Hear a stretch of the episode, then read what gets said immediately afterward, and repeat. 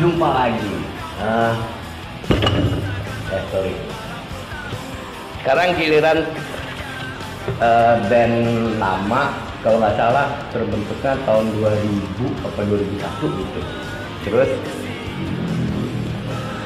sempet jadi heboh dan disukain banyak orang nama bandnya tuh The Adams uh, ini album yang sudah lama ditunggu sama fansnya sama pemerhatinya termasuk gua gua dari dulu suka.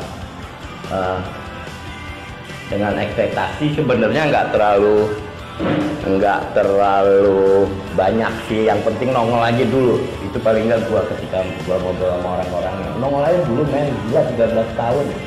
Nggak ada produk apa-apa terakhir tuh mereka kalau nggak salah tahun 2007 apa album keduanya akhirnya muncul nama albumnya After Class ini mah versi CD biasa karena ketika muncul pertama kali itu bulan apa ya men ya?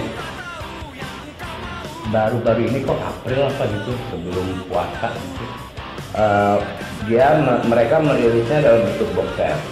Itu istimewa desain banget dipikirin banget. Ketahuan banget kalau mereka itu memang mempersiapkan banget rilis album ini. Tidak hanya soal kemasan orang-orang kayak gue yang cuma sekedar mau bernostalgia atau mendengar produk barunya lah karya mereka yang tidak terlalu overekspektasi malah surprise jujur gue surprise. Ternyata mereka bisa menawarkan eh, karya-karya yang jauh lebih fresh lebih variatif dibanding dua album sebelumnya. Ya yes, sih masih sama gayanya di lah dengan suaranya si uh, siapa vokalisnya? Kok gue lupa tiba-tiba? Ya itulah. Terus uh, uh, tema-temanya tema-tema anak muda Jakarta terus uh, raungan-raungan gitarnya yang khas. Nah di album ini ngomongin raungan gitar jauh lebih tebal, produksinya juga jauh lebih bagus dipikirin. Dan yang uniknya lagi uh, harmoninya, gue suka banget harmoninya. Maksud gue suka tuh sering kali membuat gue surprise gitu.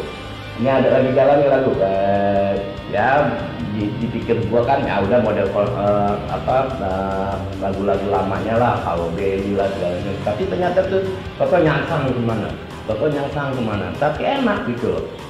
Itu yang menurut gua tingkatan lebih advance dari seorang komposer ketika mereka membuat sebuah komposisi atau lagu yang sebenarnya secara harmoni dan progresi itu cukup rumit tapi disampaikannya dengan gaya yang mudah dicerna yang catchy dari awal dari track pertama mereka kan selalu tuh setiap album lagu instrumental dulu.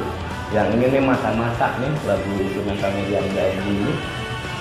Nah, kalau orang biasa dengar yang rumit-rumit progresif rock kayak apa Dream Theater lah apa yang black-black kayak gitu-gitu.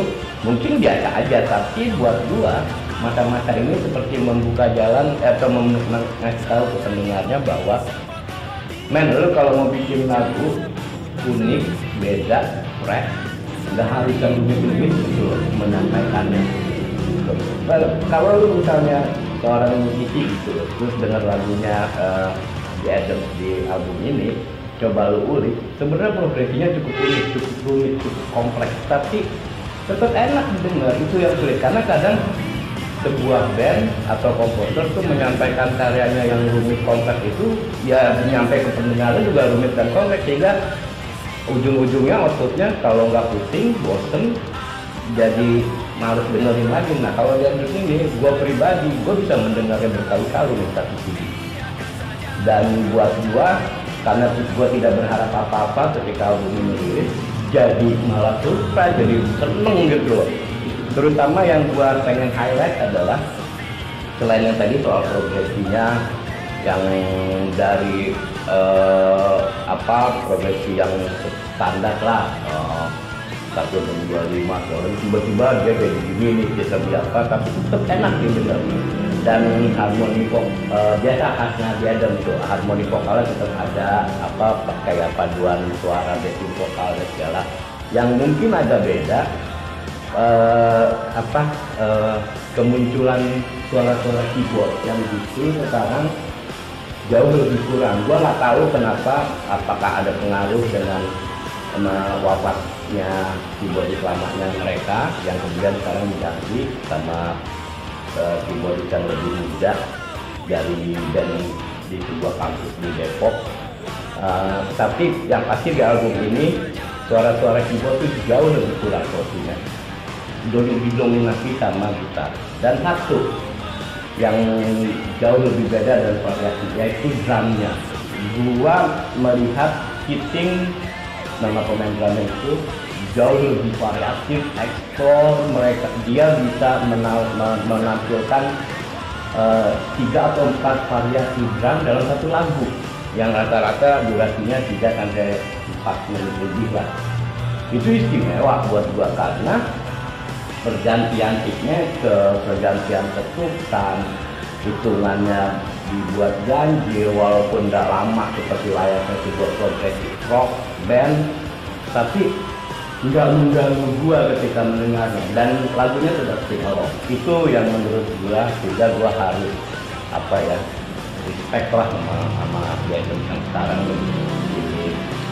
Uh, Aryo gue dari tadi pengen nyebut Aryo Aryo CS itu top 13 tahun seperti ya gue ngebayanginnya mereka bersinergi uh, mendapatkan influence uh, baru sehingga menjadi sebuah album yang namanya Afterplat Afterplat ini gue nggak tahu bahasa apa tapi gue pernah nanya sama salah satu tukangnya Mas Jale ini artinya teras belakang teras belakang itu kan sebenarnya nama studio syuting di daerah ujung Jakarta Selatan sana.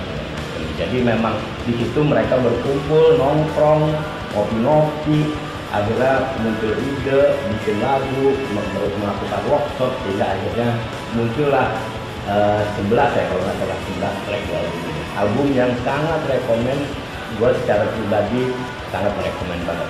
Nanti ya gue ngasih beberapa track favorit gue ya nanti di highlight di video ini. Oke. Okay? ini one of the best tahun 2019 top